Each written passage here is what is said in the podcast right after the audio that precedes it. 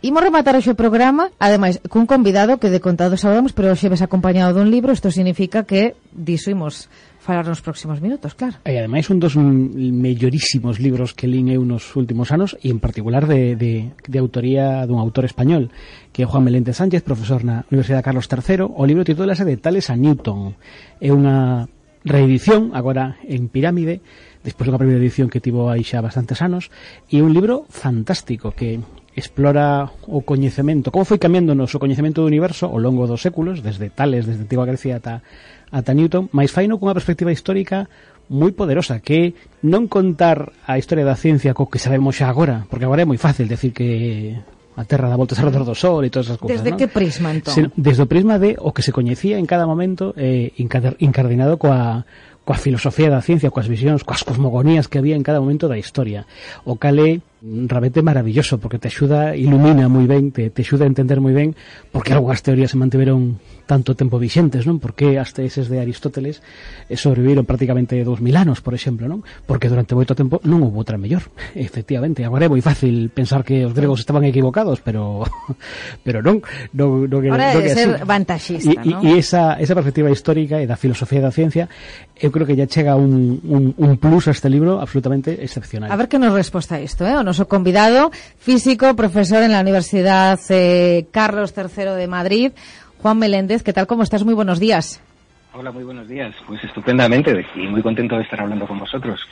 Y el libro, efectivamente, bueno, eh, yo avanzaba ya que el libro hace esa perspectiva histórica y filosófica sobre eh, lo que se conocía en cada momento y por qué esas teorías fueron válidas y estuvieron vigentes durante mucho tiempo y por qué fue tan difícil cambiarlas. Sí, claro, es que, bueno, este libro surge un poco de, no sé si, si me permites, te explico cuál es el origen personal, porque esto es algo eh, que tiene mucho que ver con cómo llegué yo a ser un científico. Eh, yo, bueno, al final he hecho una tesis doctoral, me dedico a investigar en, en, en ciencia, pues, y eso es investigación y docencia, ¿no? Pero ¿cómo llegué a eso? Pues en cierto modo por a través de la divulgación científica. A mí me gustaba la ciencia ficción y yo recuerdo encontrar por ahí por casa un libro gordo de Isaac Asimov que se titulaba Introducción a la ciencia y como era de Isaac Asimov y era a mí me sonaba como ciencia ficción, pues lo leí y me encantó. Entonces, eso quizá yo creo que fue determinante para que luego me dedicara a esto en lugar de otras cosas que también me gustaban, ¿no?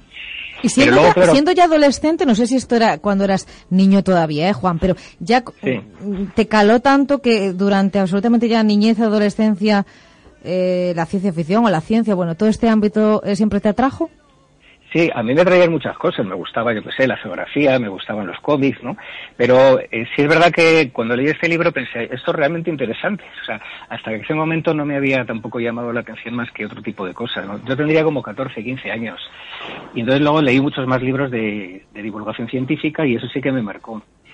Pero ya te digo que a mí me interesaba todo tipo de cosas. Ahora que a la hora de la verdad, cuando tienes que decidir qué carrera vas a estudiar, ¿no? Pues piensas, esto yo creo que tiene futuro, es interesante, jo, me parece apasionante. Ese momento, Eh, ¿verdad? Que es como estar ahí eh, sobre un acantilado decir, ¿qué voy a hacer? Eh, bueno, mucho peso sobre esa decisión. En tu caso, correcta, ¿no? Sí, porque vamos, nunca me he arrepentido de haber estudiado física, me parece una carrera maravillosa y me parece una formación que además te da un punto de vista muy particular sobre un montón de cosas, ¿no? Que puedes aplicar no solamente a las cosas estrictamente científicas, sino un poco a todo en la vida. Y lo que quería yo aquí era también llevar a la gente, llevar al lector o a la lectora un poco ese punto de vista. ¿no? Y mi, mi impresión era que esos libros de divulgación científica que tanto me habían gustado a mí, al final no transferían, o sea, no transmitían, perdón, bien esa, esa manera de, trabajar, esa manera de funcionar de la ciencia. Y dije, bueno, pues tengo que hacer algo distinto, ¿no? Y ese es el resultado de ese, digamos, compromiso con, con intentar llevar a la gente, al lector común, lo que yo entiendo por ciencia, es este libro. Sobre lo que entiendes por ciencia y por probablemente el método científico, que está en ese sentido muy bien Sí. explicado.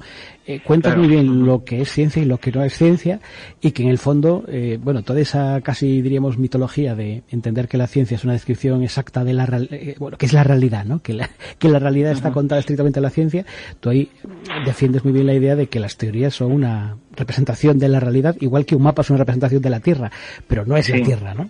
Claro, exactamente. Sí, es que precisamente ese es un inconveniente de nuestra divulgación, que es un poco cientifista, ¿no? En el sentido de que te presenta eh, la ciencia como la única manera de acercarse a la verdad y como que además tiene ya la verdad definitiva sobre prácticamente todo lo que ha estudiado, ¿no?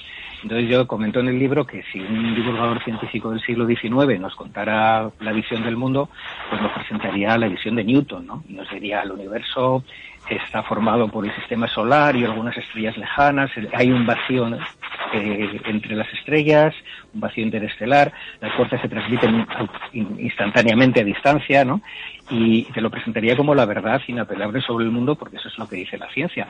Pero eso es lo que decía la ciencia en el siglo XIX. Luego viene Einstein y trastoca completamente ese panorama y ahora con Einstein pensamos que no hay tal vacío, sino que hay un campo energético, que no se transmiten las fuerzas a distancia, sino que se transmiten a la velocidad de la luz, que ese espacio no es el espacio plano como si fuera una mesa lisa, sino que se curva, ¿no? Y bueno, a lo mejor ahora acabamos descubriendo que este modelo de Einstein, pues también es otra aproximación, pero es igual de incorrecto que el de Newton. Nunca tenemos la seguridad en ciencia, siempre tenemos modelos y como muy bien has dicho son mapas. Entonces, los mapas son extraordinarios. una de las cosas que más me gustaba de pequeño eran los mapas también, ¿no? Y la ciencia es un mapa es o un conjunto de mapas, porque tenemos eh, modelos que son mapas, pero no en el sentido gráfico de un dibujito y tal, sino modelos conceptuales, ¿no? Conceptos que intentan eh, reproducir lo más, lo más fielmente posible la realidad, generalmente una parcela concreta, pero que se dejan fuera muchísimas cosas, claro. Es como un mapa del metro, ¿no? la utilidad del mapa del metro radica precisamente en que no es una representación completamente exacta, sino que te enseña lo esencial. Entonces, cuando tú tienes un modelo físico del mundo, intenta captar los aspectos esenciales desde el punto de vista físico, pero no te dice cómo es el mundo en realidad y probablemente nunca, nunca nos lo va a decir. Eso también hace que la ciencia sea más apasionante porque es un viaje sin término, ¿no? No es decir, como por otra parte pensaban en el siglo XIX, estos científicos del siglo XIX, hay famosas declaraciones de físicos muy ilustres diciendo que la física está terminada, que no hace falta ya más que poner unos cuantos decimales a los resultados y ya lo tenemos todo hecho. Entonces es una historia muy interesante cómo todo eso salta por los aires a principios del siglo XX con Einstein y con toda la revolución de la física cuántica y hoy mismo tenemos la idea totalmente equivocada de la que la física es un campo abierto en el cual tenemos muchísimo para aprender y muchísimo para investigar, a pesar de que nunca sepamos en el fondo el todo a ciencia cierta cuál es la realidad. Eso es lo bonito, ¿no? No, no lo sabemos. Un corolario casi de todo esto que estás contando es que la historia de la ciencia no se puede contar en términos de buenos y malos, y bueno, buenos y malos en masculino además, ¿no? Eh, y de héroes y de, sino que realmente es una construcción en permanente evolución y que depende muchas veces, y no digamos ya en el caso de la astronomía, de un trabajo anónimo y sistemático, como en el caso de este, de, insisto, del conocimiento astronómico, de las tablas hechas durante cientos y cientos de años por gente que no sabemos su nombre y que sirvieron para que Kepler o para que Copérnico pudieran hacer transformaciones radicales eh, muchos siglos después, ¿no? Claro, efectivamente. Yo también una de las cosas que no me gustaba de los libros de divulgación cuando ya crecí, ya trabajé como científico, ¿no? Era esta visión un poco de grandes hombres, ¿no? Solamente ha habido cuatro o cinco grandes hombres que han tenido la razón siempre y por comparación el resto te parecen tontos, ¿no? Yo eh, leía estos libros y decía, hay que ver, es que todo lo han descubierto entre cuatro, qué listos eran y qué tontos eran los demás. Incluso divulgadores muy buenos como Carl Sagan eh, caen en esto, en esta visión un poco anacrónica de los grandes hombres cuando te cuentan, por ejemplo, que Aristarco de Samos, en el siglo III Cristo, ya dio con la idea de que el Sol está en el centro del universo y la Tierra gira alrededor. Y cuando lo cuenta Carl lo cuenta muy bien, pero luego hace una especie de epílogo histórico que se inventa realmente diciendo que, fijaos, ¿no? Eh, hace dos mil, bueno, dos mil años antes prácticamente de Copérnico ya, ya tenían la solución, ya sabían perfectamente que el Sol estaba en el centro, que la Tierra giraba alrededor, y sin embargo eso no se aceptó. ¿Cómo es posible? Ah, pues porque es que estos fanáticos oscurantistas que ha habido en todas las épocas ahí se pusieron a gritar y poco menos que le quieren quemar, ¿no? Entonces es, es curioso porque es una escena totalmente inventada. Juan, y que, tenemos que dejarlo aquí porque nada, Ah. Eh, enseguida llegan las dos de, de la tarde. Decías Martín, ediciones Pirámide.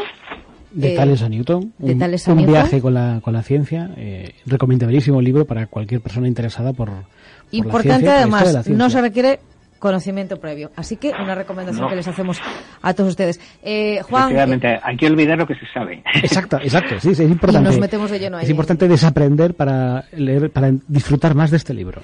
Juan Meléndez, profesor de la Universidad Carlos III de Madrid. Gracias por habernos acompañado. Pues muchísimas gracias a vosotros. Un abrazo, gracias. Igualmente. Martín Pauli, gracias. Hasta domingo que ven. Domingo de mayo, que os pechamos, vas nos eh, permitir con esa Con nosa lembranza de novo para todas as nais, as que están e as que non neste